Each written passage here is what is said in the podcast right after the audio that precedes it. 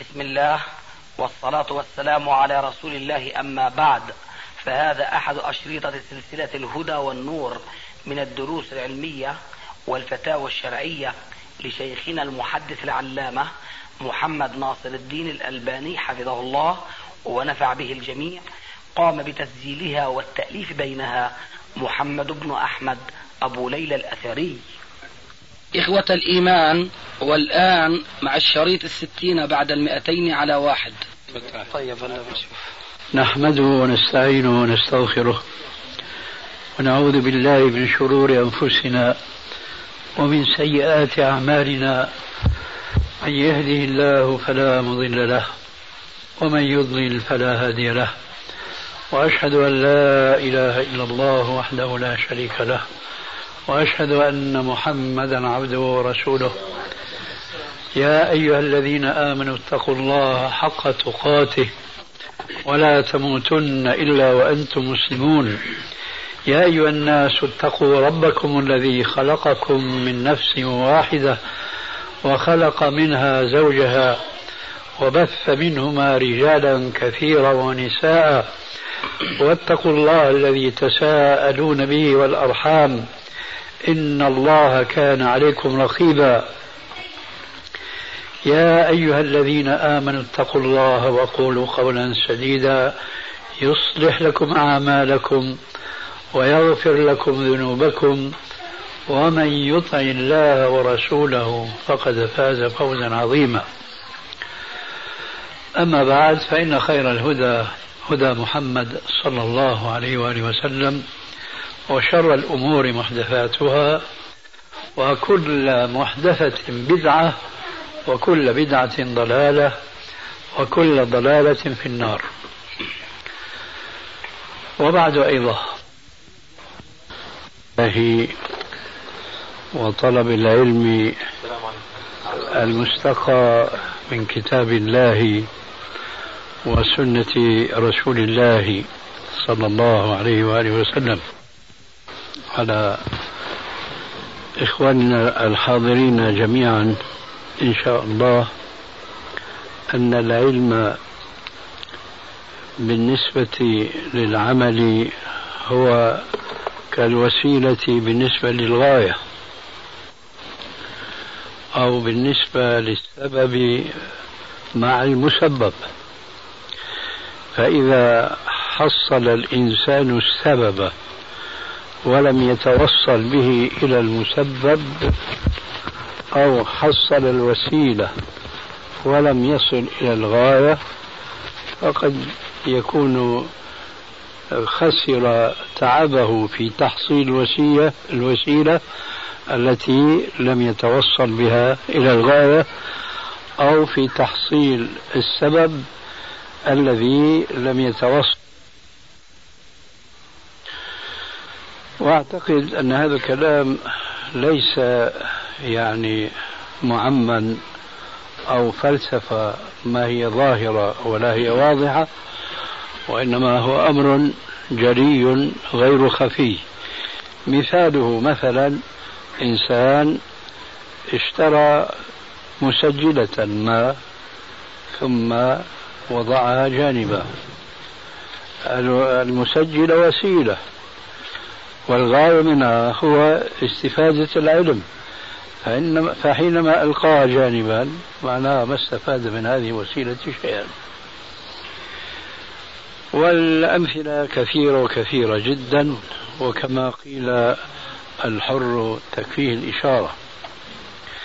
وغرضي أن أقول بأن العلم مع العمل يجري مجرى الوسيلة مع الغاية. أي يجب على كل مسلم علم شيئا من أحكام الشرع أن يعمل به وإلا كان علمه به ليس فقط لم يستفد منه شيئا كما ضربنا انفا مثلا بالنسبة للوسيلة مع الغاية بل قد خسر بعلمه هذا وكان خسرانه خسران كبيرا لأن الله عز وجل أخذ العهد من كل من علم علما ثم لم يعمل به كان وبالا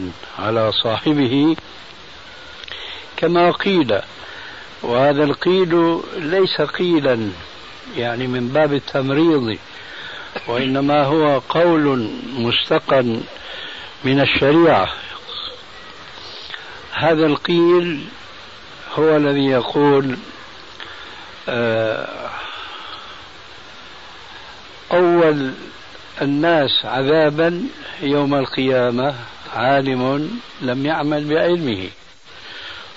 وسند هذا الكلام قوله عليه الصلاة والسلام كما جاء في صحيح مسلم.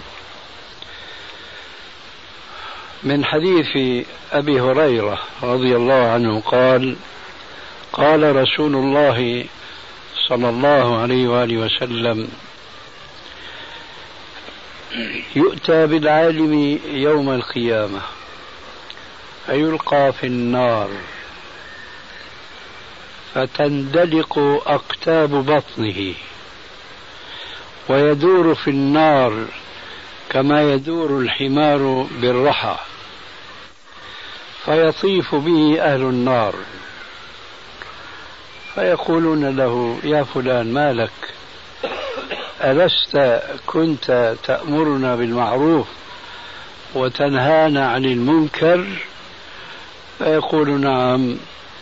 كنت آمركم بالمعروف ولا آتيه وأنهاكم عن المنكر وآتيه. هذا جزاء العالم الذي لا يعمل بعلمه. وقبل أن أستطرد فيما أنا في صدده من بيان ضرورة قرن العمل بالعلم أريد أن أستدرك على نفسي فيما خرجت الحديث هذا آنفا حين قلت روى مسلم من حديث أبي هريرة. وهذا وهم مني. ينبغي أن يسجل. الصواب أن هذا الحديث أخرجه الشيخان أي البخاري ومسلم. وليس من حديث أبي هريرة وإنما هو من حديث أسامة بن زيد رضي الله عنه. بهذا الذي سمعتموه. أما حديث أبي هريرة الذي وهمت في متنه فله متن آخر أي لفظ آخر له صلة بموضوع العالم. ذلك أن العالم ليس يجب في حقه أن يعمل بعلمه فقط بل ويجب عليه أيضا أن يكون مخلصا فيه لربه. أن لا يبتغي بعلمه جزاء من الناس ولا شكورا ولا شيئا من حطام الدنيا وإنما هو يحقق ما أمر الله عز وجل به في مثل قوله تعالى وما أمروا إلا ليعبدوا الله مخلصين له الدين. مخلصين له الدين أي يتدينون ويتقربون إلى الله عز وجل بفعل ما أمرهم به من الطاعات. فإذا أتى المسلم سواء كان عالما أو متعلما أو غير ذلك إذا أتى بعبادة ولم يكن في ذلك مخلصا لله عز وجل وإنما هو يداهن في ذلك أو يرائي الناس فحين ذاك لم ينفذ الأمر الإلهي وما أمروا إلا ليعبدوا الله مخلصين له الدين. هذا بالنسبة لعامة الناس فماذا نقول أو ماذا يقال بالنسبة لخاصة الناس ألا وهم أهل العلم الذين يجب عليهم أن يكونوا قدوة لسائر الناس في العلم النافع والعمل الصالح. اسمعوا الآن ذاك الحديث الذي وهمت في متنه لأبي هريرة ومتنه هو ما يأتي. قال أبو هريرة رضي الله عنه قال رسول الله صلى الله عليه وآله وسلم أول من تسعر بهم النار يوم القيامة ثلاثة. أول من تسعر بهم النار يوم القيامة ثلاثة. عالم ومجاهد وغني.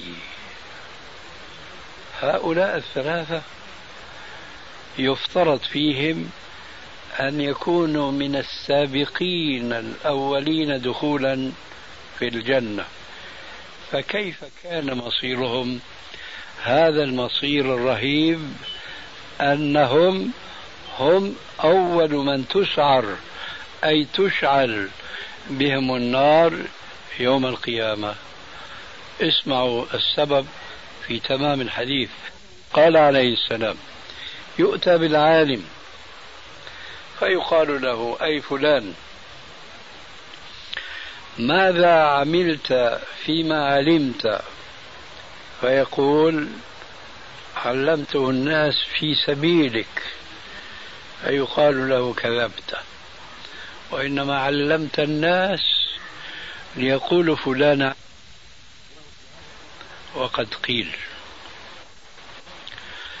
أي ما علمت الناس في سبيل الله ومرضاته والله عز وجل يعلم ما تكنه الصدور وما تخفيه الصدور.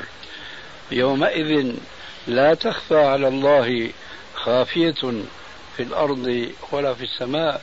فإذا قال هذا العالم الذي يسأل يوم القيامة ماذا عملت بعلمك؟ وقال مخادعا علمته في سبيلك؟ فيأتيه الجواب والعياذ بالله كذبت إنما علمت ليقول الناس فلان عالم. أي علمت الناس ليشيدوا بذكرك ويشيع الناس باسمك. وقد قيل أي هذا الذي رميت إليه وقصدت إليه بتعليم الناس قد قالوه. فقالوا فلان ما شاء الله عالم. وعندنا في سوريا بيقولوا العامة مع الأسف فلان عالم مثل الصحن الصيني. نيما رنيته بجاوب. إيش يعنون بهذا الكلام مساكين وهذا لا يمكن أن يتحقق. إن سالته بالتفسير يجيبك. سالته بالحديث يجيبك. سالته في الفقه يجيبك. في الفقه الحنفي بيقول لك فقه الحنفي كذا. المالكي كذا. الشافي كذا. ال ال إلى آخره. مثل الصحن الصيني. نيما رنيته بيجاوب. هذا أمر مستحيل. إنما العلم تخصص. الشاهد أن هذا الرجل الأول من الثلاثة الذين هم أول من تسعر بهم النار يوم القيامة عالم. ألقي به في النار لأنه لم يخلص لله عز وجل في تعليم الناس العلم الذي كان الله عز وجل علمه إياه. فيقال له كذبت خذوا به إلى النار. فيلقى في النار. بينما ربنا عز وجل يقول في القرآن الكريم يرفع الله الذين آمنوا منكم والذين أوتوا العلم درجات. بينما هذا صار نزل في الدرك الأسفل من النار. ثم يؤتى بالمجاهد فيقال له ماذا فعلت؟ بما أنعمت عليك من قوة. يقول يا ربي قاتلت في سبيلك. فيقال له كذبت. إنما قاتلت ليقول الناس فلان بطل. فلان شجاع. وقد قيل خذوا به إلى النار. ألحق بزميله في عدم الإخلاص كل منهما لربه تبارك وتعالى فألقي في النار. ثم يؤتى بالرجل الثالث من الثلاثة ألا وهو الغني الذي كان ينفق الأموال الطائلة الملايين المملينة كما يقولون اليوم. يقال له فيما أنفقت؟ يقال يقول في سبيلك يا ربي. فيقال له كذبت إنما أنفقت ليقول الناس فلان كريم وقد قيل. أي إنك حصلت في الدنيا ما رميت إليه كما حصل العالم ما رمى إليه الشهرة بالعلم. كما حصل المجاهد ما رمى إليه الشهرة بالبطولة والشجاعة. هؤلاء الثلاثة كان مصيرهم أول أهل النار إلقاء في النار لأنهم لم يكونوا مخلصين في أعمالهم الصالحة في العلم والجهاد وإنفاق الأموال كانوا جميعا في النار والعياذ بالله تعالى. فالذي أردت من ذاك الحديث الذي فتح لي إيراد هذا الحديث الثاني وكلاهما متمم للآخر هو تذكير إخواننا أن لا يكون همهم العلم فقط وإلا كان وبالا عليه إذا لم يقرن معه العمل. فتعلموا لتعملوا. وإلا عرفتم عاقبة من لم يعمل بعلمه ثم إذا عملتم فأخلصوا لله عز وجل حتى يكون عملكم مقبولا عند الله تبارك وتعالى. وذلك قوله عز وجل في القرآن الكريم قل هذه سبيلي أدعو إلى الله على بصيرة أنا ومن اتبعني وسبحان الله وما أنا من المشركين. وما أنا من المشركين أي عقيدة وعملا لأن من الشرك أن تعمل العبادة لغير وجه الله تبارك وتعالى. كما قال عز وجل فمن كان يرجو لقاء ربه فليعمل عملا صالحا ولا يشرك بعبادة ربه احدا. فمن كان يرجو لقاء ربه فليعمل عملا صالحا ولا يشرك بعبادة ربه احدا. قال علماء التفسير من كان يرجو لقاء ربه حقا يوم القيامة فليعمل عملا صالحا ولا يشرك بعبادة ربه أحدا. قالوا لا يكون العمل عملا صالحا إلا إذا توفر فيه شرطان اثنان. الشرط الأول أن يكون موافقا للسنة. فهو العمل الصالح. أما إذا كان مخالفا للسنة فلا يكون عملا صالحا. ثم إذا كان هذا العمل على السنة فلم يتوفر فيه الشرط الثاني وهو الإخلاص لله تبارك وتعالى حيث قال ولا يشرك بعبادة ربه أحدا فإذا توفر هذان الشرطان كان العمل مقبولا عند الله. وإذا اختل أحدهما كان العمل مرفوضا عند الله. كان مضروبا به وجه صاحبه. إن عمل عملا على السنة ولم يخلص فيه أو أخلص فيه ولم يكن عمله على السنة سواء كان الإخلال بهذا أو بذاك فعمله مرفوض. وهذه نقطة مهمة جدا أيضا تضاف إلى ما ذكرناه آنفا من وجوب تعلم العلم للعمل ومن ضرورة كون العمل خالصا لوجه الله تبارك وتعالى. فالشيء الثالث وعليكم السلام أن يكون العمل موافقا للسنة. فإن العمل مهما كان صاحبه مجدا فيه ومجتهدا فيه ومثابرا عليه ثم كان على خلاف السنة فلا يفيد ذلك إلا بعدا عن الله تبارك وتعالى.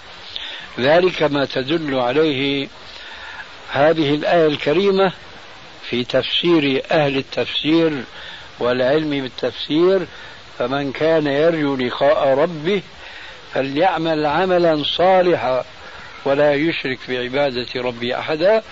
العمل الصالح ما وافق السنة وإذا كان خالصا لوجه الله عز وجل فهو العمل المنجي لصاحبه يوم الله تبارك وتعالى. لعلكم طرق سمعكم يوما ما. حديث العرباض بن سارية رضي الله عنه الذي له صلة وثقى صلة عظمى بموضوع العمل أنه لا يكون صالحا إذا كان مخالفا للسنة. قال العرباض ابن سارية رضي الله عنه وعظنا رسول الله صلى الله عليه وآله وسلم موعظة وجلت منها القلوب وذرفت منها العيون. فقلنا أوصنا يا رسول الله. قال أوصيكم بتقوى الله والسمع والطاعة وإن ولي عليكم عبد حبشي. وإنه من يعش منكم فسيرى اختلافا كثيرا. وإنه من يعش منكم فسيرى اختلافا كثيرا. كأن سائلا يقول ولم يقل لكن الرسول أجابه لأنه بوحي من السماء الذي يعلم بما في الصدور. إذا رأينا هذا الاختلاف الكثير فماذا نعمل يا رسول الله؟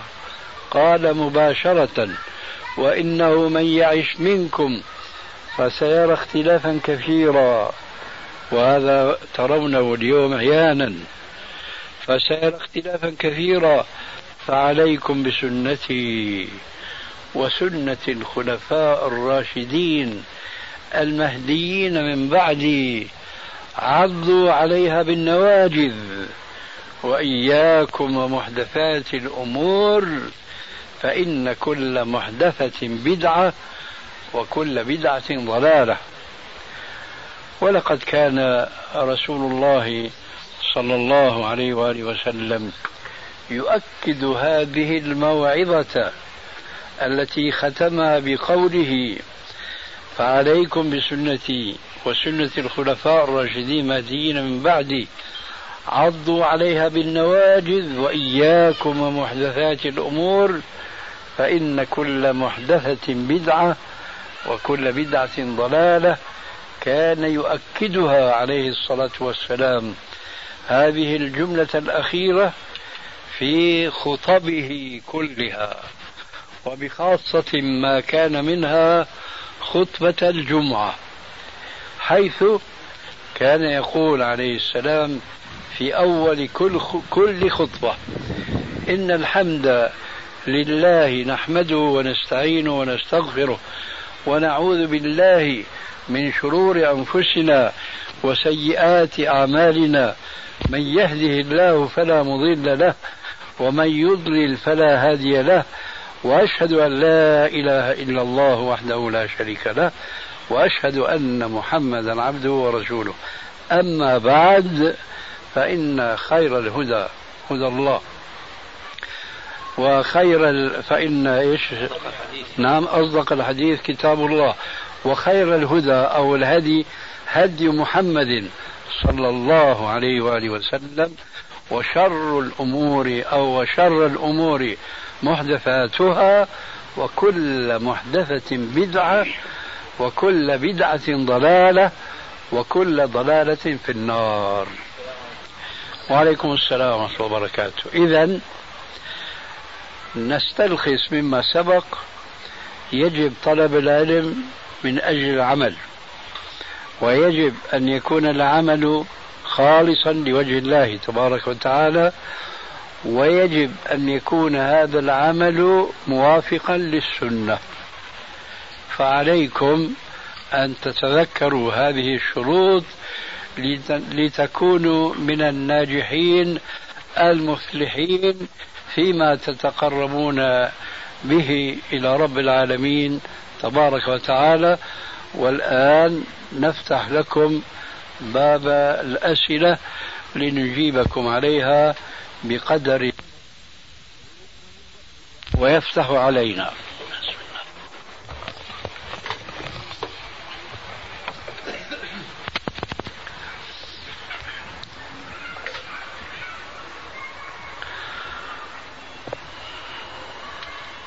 نعم.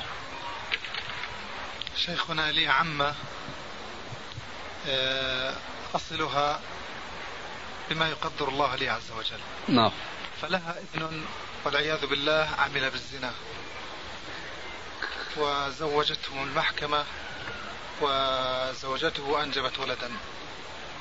وعمتي احتضنته في بيتها. فما كان منا أن قطعناها على هذا العمل الذي قامت به مع ابنها. فهل نحن مخطئون على ذلك؟ لم توضح ماذا قامت هي. أنت تتهم ابنها بالزنا. نعم. وهي احتضنت ولد الزنا. نعم. آه، فهذا لا يكفي في تحديد السؤال لنعطيك الجواب. هل هي رضيت بما فعل ابنها؟ نعم. هكذا ينبغي أن تقول. رضيت بما فعل نعم. ابنها؟ نعم. ولم تنكر ذلك عليه. ولم تنكر. وأنت يعني متحقق مما نعم. تقول. نعم. لا يجوز أن تساعدها أنا قلت شيخنا قطعناها يعني بعدم زيارتنا لها. طيب. بعد عملها هذا. صحيح كلامك أنا أتبادر لذهني نعم. أنك حينما كنت تواصلها تحسن إليها أيضا. فإذا قاطعتها فنعم ما فعلت. محقون نحن من ذلك. فنعم ما فعلت نعم. هذه مقاطعة لله. نعم. أما إذا كانت هي مستنكرة للأمر واحتضنت الولد نعم. فهذا أمر تشكر عليه. أما إذا كانت غير مستنكرة لما فعل ابنها فالمقاطعة تكون على بابها وعلى موضعها. بارك الله فيك. نعم. شيخنا لو تكرمت آه، تبين لنا بتفصيل هل يجوز لقارئ القرآن أن يقرأ باختلاف الرواية؟ سواء كان إمام داخل الصلاة أو خارج الصلاة. والدليل على الإجازة. بارك الله فيك. إذا كانت الرواية التي يقرأ بها قد تلقاها من أهل العلم المتخصصين في القراءات الثابتة عن النبي صلى الله عليه وآله وسلم فيجوز له أن يقرأ بها لأن النبي صلى الله عليه وآله وسلم كان يقول أنزل القرآن على سبعة أحرف. وقد فسر كثير من العلماء أن الأحرف هي أوجه القراءة التي كان يقرأ الرسول عليه السلام بها في حياته وجاءت أحاديث كثيرة تبين أن بعض الصحابة حينما كان يسمع من آخر قراءة لم يسمعها من النبي صلى الله عليه وآله وسلم وكان يبادر إلى إنكارها ولكنه يتثبت فيذهب مع صاحبه المخالف له القراءة إلى النبي صلى الله عليه وآله وسلم فيعرض عليه ما سمع من صاحبه القراءة التي هو كان لا يعرفها من قبل. فيقول الرسول عليه السلام هكذا أنزلت.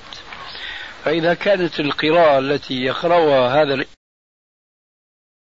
وجاءت أحاديث كثيرة تبين أن بعض الصحابة حينما كان يسمع من آخر قراءة لم يسمعها من النبي صلى الله عليه وآله وسلم وكان يبادر إلى إنكارها ولكنه يتثبت فيذهب مع صاحبه المخالف له القراءة إلى النبي صلى الله عليه وآله وسلم فيعرض عليه ما سمع من صاحبه القراءة التي هو كان لا يعرفها من قبل.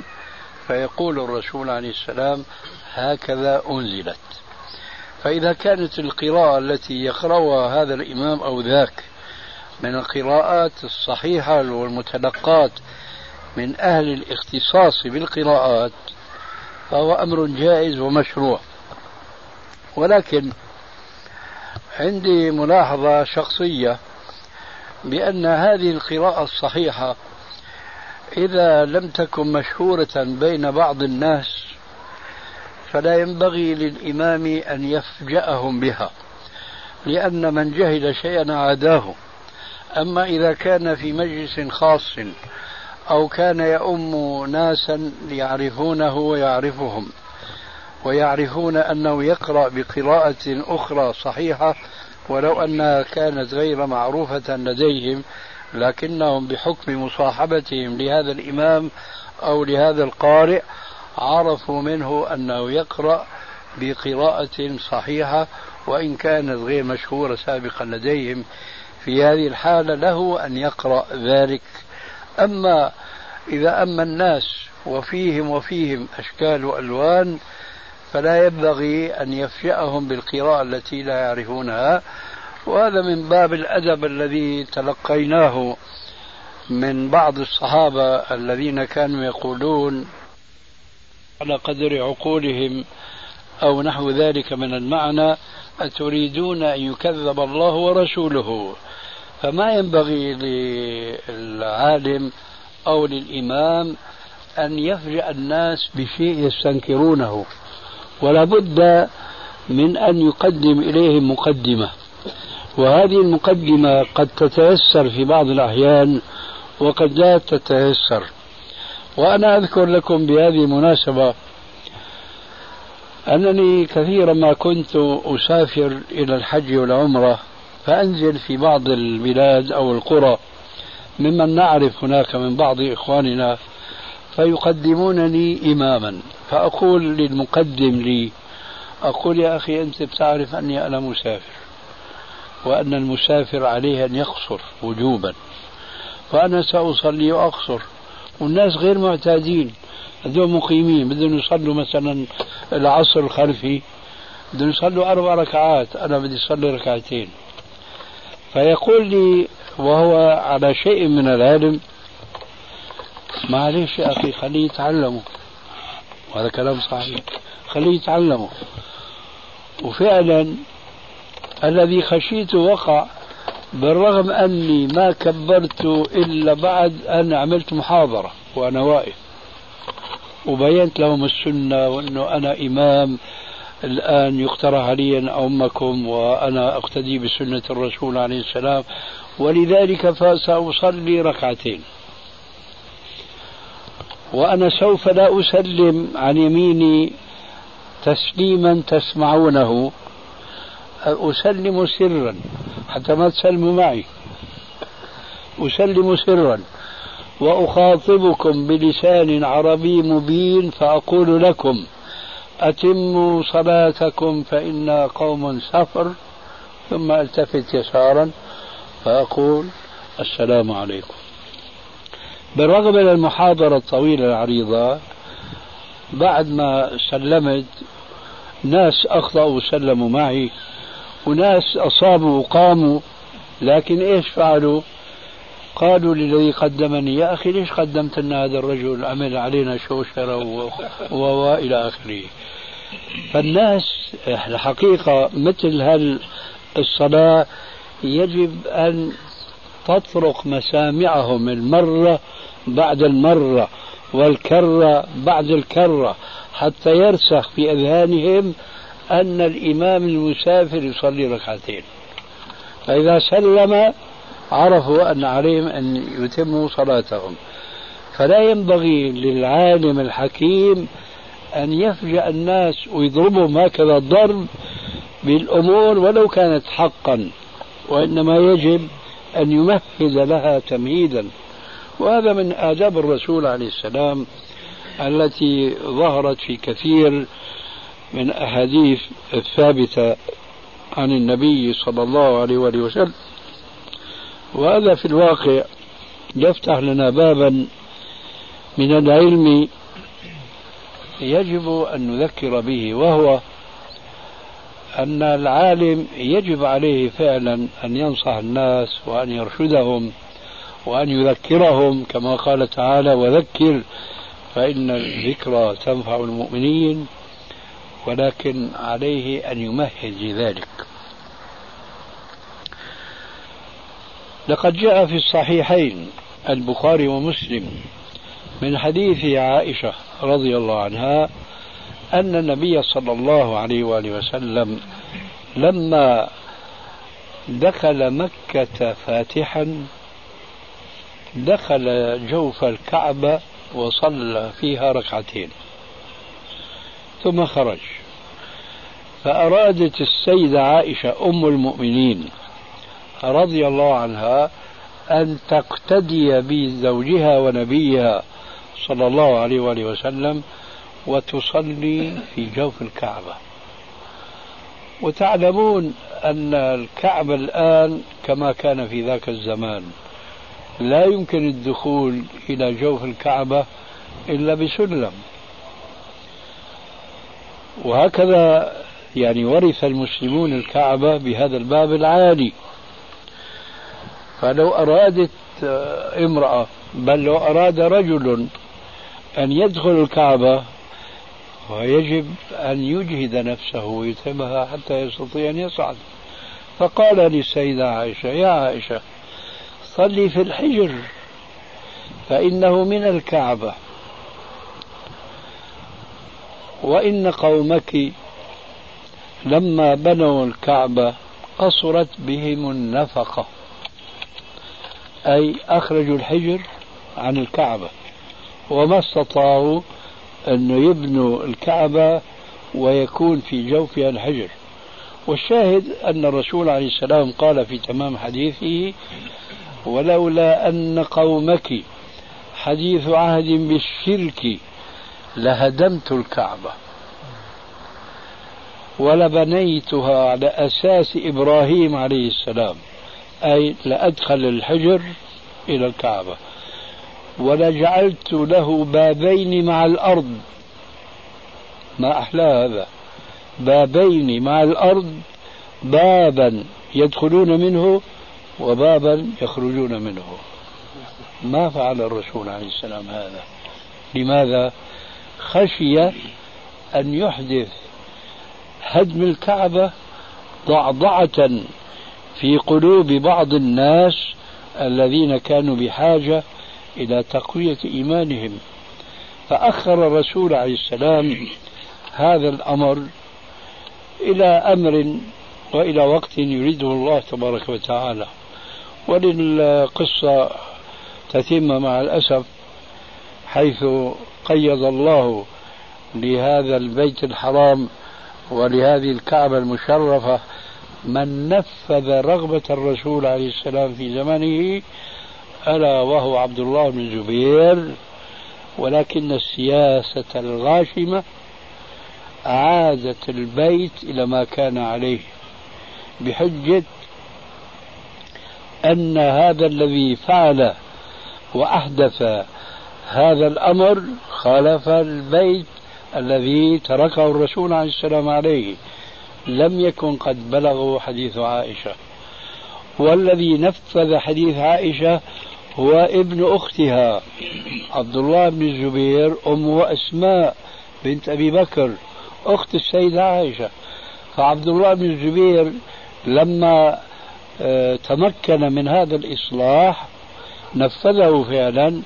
لكن كان ذلك في فتنة قامت بينه وبين الأمويين وبصورة خاصة عبد الملك بن مروان وكان نهاية الفتنة مع الأسف أنه قتل وصلبه الحجاج وإلى آخر ما هنالك. فلما استوطن الأمر لعبد الملك أمر بإعادة الكعبة إلى ما كانت عليه في زمن الجاهلية.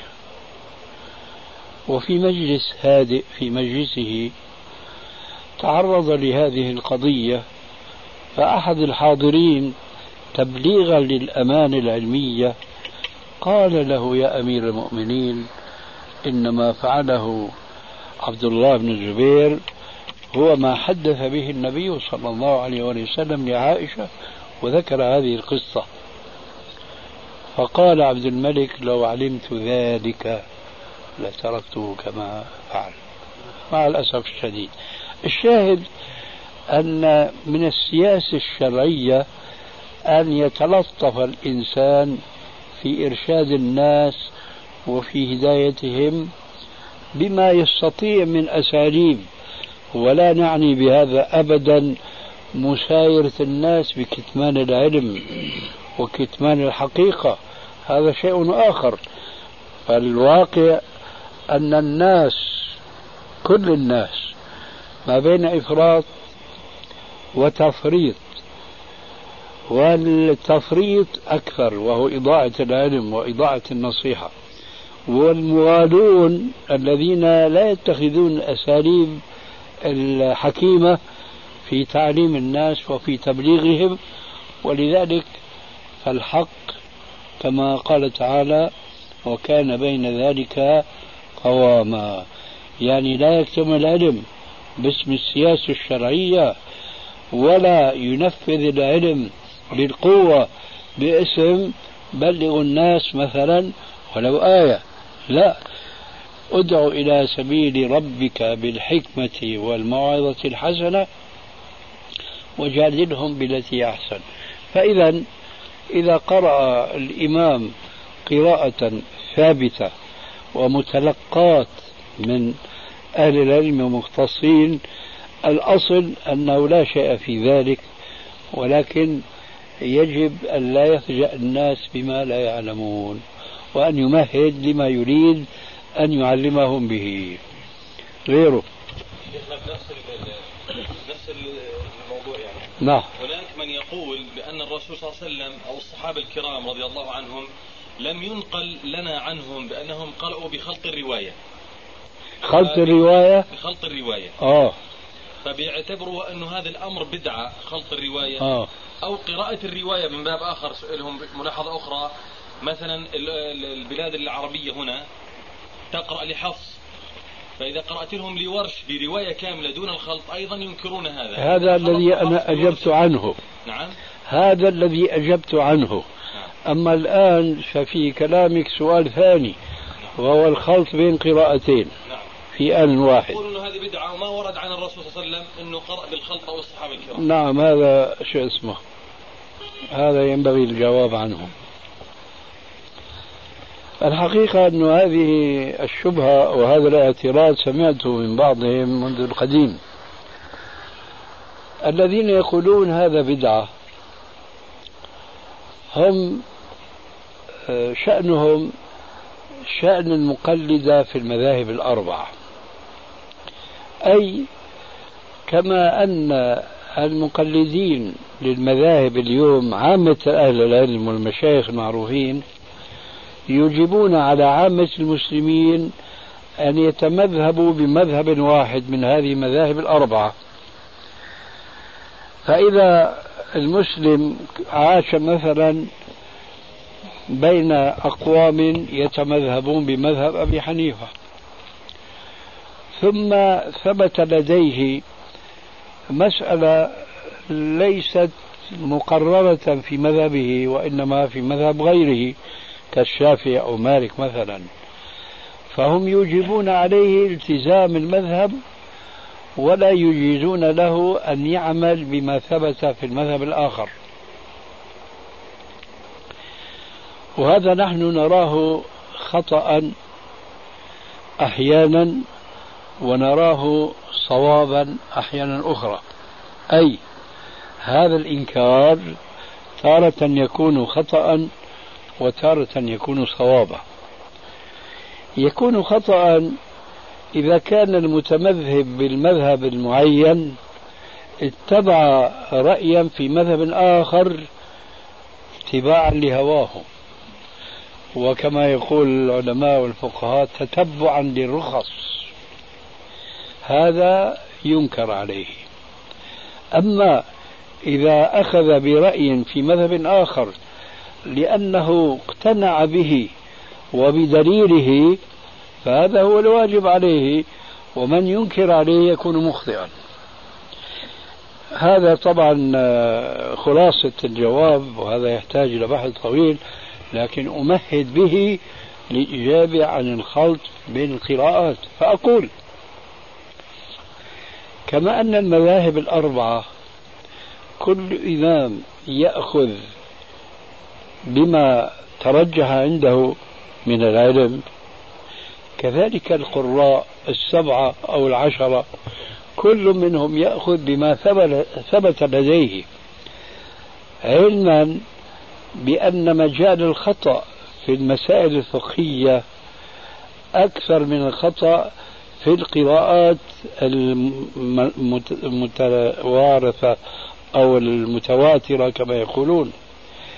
ذلك لأن المسائل الفقهية يدخلها الاجتهاد يدخلها القياس فيمكن أن يقع المجتهد في خطأ ويؤجر عليه. أما القراءات فهي مستندة على النقل وبس. إذا كان هذا معروفا فحينئذ إذا كان هذا القارئ على قراءة حفص ثبت لديه قراءة ورش في آية ما فجمع في قراءة واحدة بين قراءة حفص في آية وقراءة ورش في آية أخرى هذا كالذي جمع بين التمذهب بالمذهب الحنفي والتمذهب في مسألة واحدة وأخرى في المذهب الشافعي لأن ذلك ثبت لديه. فقولهم أن هذا بدعة هو في الواقع حسب وجهة نظري غفلة عن أن منبع أئمة القراء هو كمنبع أئمة المذاهب الأربعة هو الرسول عليه السلام. مع الفارق الكبير الذي ذكرته آنفا أن الأئمة في الفقه ممكن أن يكونوا قولا بالاجتهاد والرأي. أما في القراءة ما في إلا التلقي والنقل. فيكون هنا الأمر أن الرسول قرأ بقراءة حفص أكيد. وقرأ بقراءة ورش أكيد. فما المانع أن يقرأ الإنسان بهذه وبهذه؟ وليس عند القراء أبدا دليل وهذا مستحيل أن يكون أن الرسول قرأ بقراءة حفص أحيانا أحيانا. وتارة أخرى قرأ بقراءة ورش. وإلى آخر ما هنالك من القراء المعروفين. لا يوجد شيء من هذا. لكن كل واحد أخذ بما ثبت لديه. أي أن الرسول كان يقرأ بهذا كان يقرأ بهذا وكان يقرأ بهذا. من أشهر الأشياء اللي ممكن يفهموها الناس كلهم الفاتحة فيها قراءتان متواترتان فيما يتعلق بمالك يوم الدين ومالك يوم الدين. فالرسول عليه السلام كان يقرأ مرة مالكي ومرة ملكي لكن ما كان يلتزم أنه إذا قرأ مالك فهو يقرأ ما بعده على مذهب مالك لأنه إذا كنا عفوا على مذهب حفص لأنه حينئذ نقول كما يتوهم بعض الجهلة أن الرسول كان حنفي أو كان شافعي. هذا ما يقوله إنسان لأن المذاهب متأخرة عن إمام عن آه، رسول الله صلى الله عليه وسلم فهن يتلقون منه وليس العكس تماما. لذلك المهم إذا ثبت قراءة من القراءات فيجوز للقارئ أن يقرأ بهذه وأن يقرأ بهذه ولا مانع من ذلك والذي يقول هذا بدعة يعني حسبنا أن نقول له هاتوا برهانكم إن كنتم صادقين ولا يستطيع إلى ذلك سبيلا. تفضل. شيخنا يقول تعالى أعوذ بالله من الشيطان الرجيم فقاتل في سبيل الله لا تكلف إلا نفسك. هل المخاطب بهذه الآية الرسول صلى الله عليه وسلم أم عامة المسلمين؟ آه، قبل الإجابة عن السؤال أريد أن ألفت النظر إلى خطأ شائع. ألا وهو قول القائل يقول تعالى أعوذ بالله من الشيطان الرجيم. أو بعد. أو بعد. هذا خطأ. وما أنت أول سار ضره قمر. كل المذيعين وكل المتكلمين يقولون هكذا. نعم. آه. يجب أن يقول القائل إذا أراد أن يستشهد أو أن يسأل ماذا تقول يا فلان في قوله تعالى فقاتل في سبيل الله؟ بلاش نقول ماذا تقول في قول الله بعد أعوذ بالله من الشيطان الرجيم؟ ما قال الله بعد أعوذ بالله من الشيطان الرجيم؟ وبعضهم يقول قال الله أعوذ بالله من الشيطان الرجيم. هذه أشكل وأشكل. المهم لا شك أن الخطاب هو موجه في شخص الرسول عليه السلام. لكن نحن نعلم أن النبي صلى الله عليه وسلم إذا خطب بأمر فعامة المسلمين يخاطبون بنفس هذا الخطاب وبخاصة في مثل هذه الآية. هل يسبق إلى ذهن أحد بأنه عليه السلام إذا قال فقاتل في سبيل الله يعني وحدك؟ مثل هذا السؤال معقول أن يتوجه إلى مثل قوله تعالى لئن أشركت ليحبطن عملك؟ لأن الشرك ما هو عمل اجتماعي متعاوني وإنما هو شيء متعلق بقلب كل مكلف. فإذا قال الله عز وجل لئن أشركت مخاطبا الرسول عليه السلام لئن أشركت ليحبطن عملك. ولتكونن من الخاسرين. هنا يمكن أن يقال مثل هذا السؤال يا ترى هذا خطاب الموجه للرسول عليه السلام يوجه إلى كل فرد من أفراد الأمة أم لا؟ بالنسبة للآية التي تلوتها أنا نقول بلا شك إذا كان الله عز وجل يخاطب نبيه المعصوم ليس عن الشرك فقط بل عن كل الذنوب. يخاطب بقوله وهذا الوعيد الشديد لئن أشركت لا يحبطن عملك. فمن باب أولى عامة المسلمين. أما قوله فقاتل في سبيل الله فلا يمكن أن يكون مقاتلته عليه السلام في سبيل الله إلا ومعه جمهور المسلمين. بالإضافة إلى هذه الملاحظة التي يقتضيها العمل الجهادي هو ما قلناه آنفا أن الخطاب الذي وجه إلى الرسول عليه السلام هو خطاب لجميع الأمة. بل قد ذكروا في علم الأصول أن الخطاب الموجه إلى فرد من أفراد الأمة يشمل كل فرد من أفراد الأمة. قال الصحابي مثلا وهو علي بن أبي طالب نهاني رسول الله صلى الله عليه وسلم عن خاتم الذهب.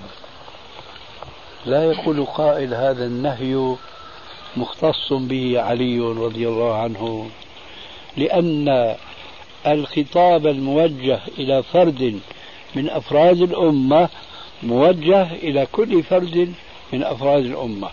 فبالأولى والأحرى أن يكون مثل هذا الخطاب فقاتل في سبيل الله أن يكون الخطاب موجها للرسول والذين سيجاهد معهم الرسول عليه السلام وهم المسلمون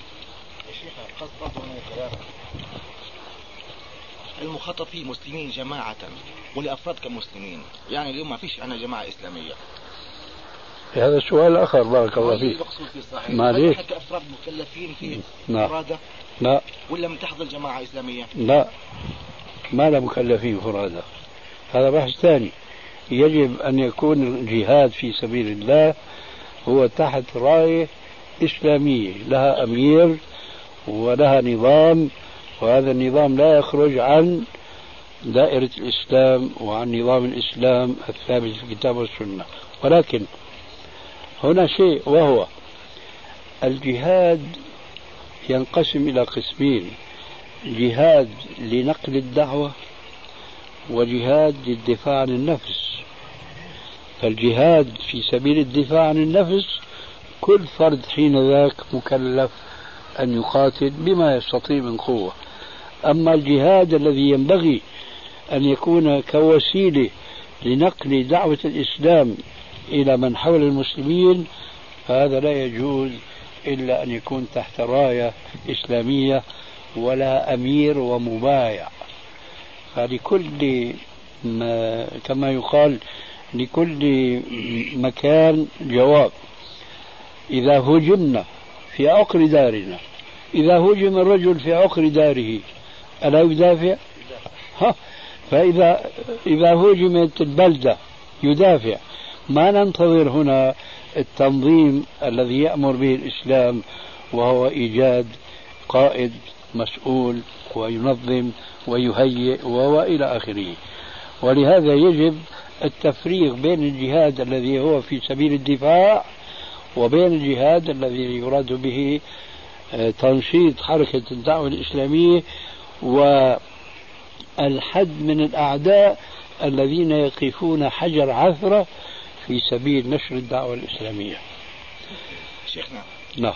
ما قولك في قوله تعالى لا تجد قوما يؤمنون بالله واليوم الآخر يودون من حاد الله ورسوله إلى باقي الآيات نعم. في آه، نعرف أن ترك الصلاة كفر. فهل ممكن الآباء أو الأبناء أو الإخوان تركين صلاة؟ هل نعتبرهم ممن يحادون الله ورسوله؟ وهل مطلوب منا ألا نودهم إذا كنا مؤمنين بالله؟ الآية كيف تقول؟ لا تجد, لا تجد قوما نعم. يؤمنون بالله واليوم الآخر يوادون من حاد الله ورسوله. كويس. ولو كانوا آباءهم معلش يجب أن نقف عند قوله تعالى يحادون الله ورسوله. ماذا نفهم من هذا؟ مفهومي أنا الصحيح أنا بعبت سيدنا الشيخ أنا محاسب. أنا رجل مالي يعني. مفهوم وضع نفسه في حد ووضع رسول الله سبحانه وتعالى في حد آخر. إن كان بإعلانه الكفر أو بارتكابه المعاصي في أمور كثيرة جدا يعني. لا بس في عنا هون بقى بدي ألفت نظرك لشيء. آه أنت ما دام بتقول أنا محاسب معناها بتعرفني أنك لست عالما على الأقل بعلم التفسير. صحيح هيك تعنيك؟ نعم. صحيح. آه. حينئذ بس أقرأ تفسير معليش معليش نعم نعم. حينئذ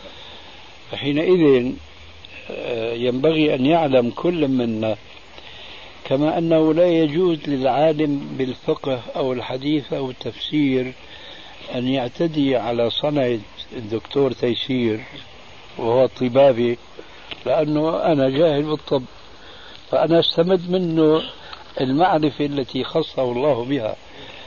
فكذلك هو بدوره لا يعتدي على غيره من أهل العلم. إن كان محدثا فما بيجي بيفتات عليه وبيقول هذا حديث صحيح ومو صحيح وضعيف إلى آخره لأنه هذا ليس من اختصاصه. كما أنه أنا مسؤول أن أسأل أهل العلم فهو أيضا مسؤول أن يسأل أهل العلم كما قال تعالى فاسألوا على ذكر إن كنتم لا تعلمون كذلك لا يجوز لعامة المسلمين أن يفسروا القرآن بما يبدو لكل واحد منهم. وإنما كما قال تعالى فاسأل بي خبيرا أو الآية الأولى فاسألوا أهل الذكر إن كنتم لا تعلمون. معليش أنا ما أعتب عليك أنك سألت. لا بس أقول ما ينبغي لك ولأمثالك أن يكونوا رأيا في فهم آية إلا بعد أن يسألوا أهل العلم. فهنا الذين يحادون الله ورسوله المقصود بهم المشركون. فلا يقصد به الولد مثلا الذي ضربت به مثلا أو تارك صلاة. إخوة الإيمان تتمة الكلام في الشريط التالي. مكلف. لا لا أنا أقصد معك.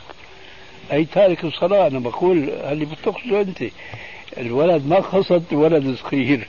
أنت ذكرتني الآن بحديث والشيء بالشيء يذكر. جاء رجل إلى النبي صلى الله عليه وسلم قال يا رسول الله أركبني. يعني بده دابة تحمله أمامه سفر قال للمختص بالإركاب أركبه يا فلان ولد الناقة. قال له يا رسول الله وليحملني ولد الناقة؟ قال له ولا الناقة إلا ولد الناقة. فكلمة ولد. في اللغة العربية لا تعني معناها صبي غير بالغ. وإن ما ما معليش معليش. يمكن أنا غلب علي الفقه الحديثي هذا. فأنا قلت الولد يعني ولد الإبن ولو كان مكلفا. وإنما المقصود هنا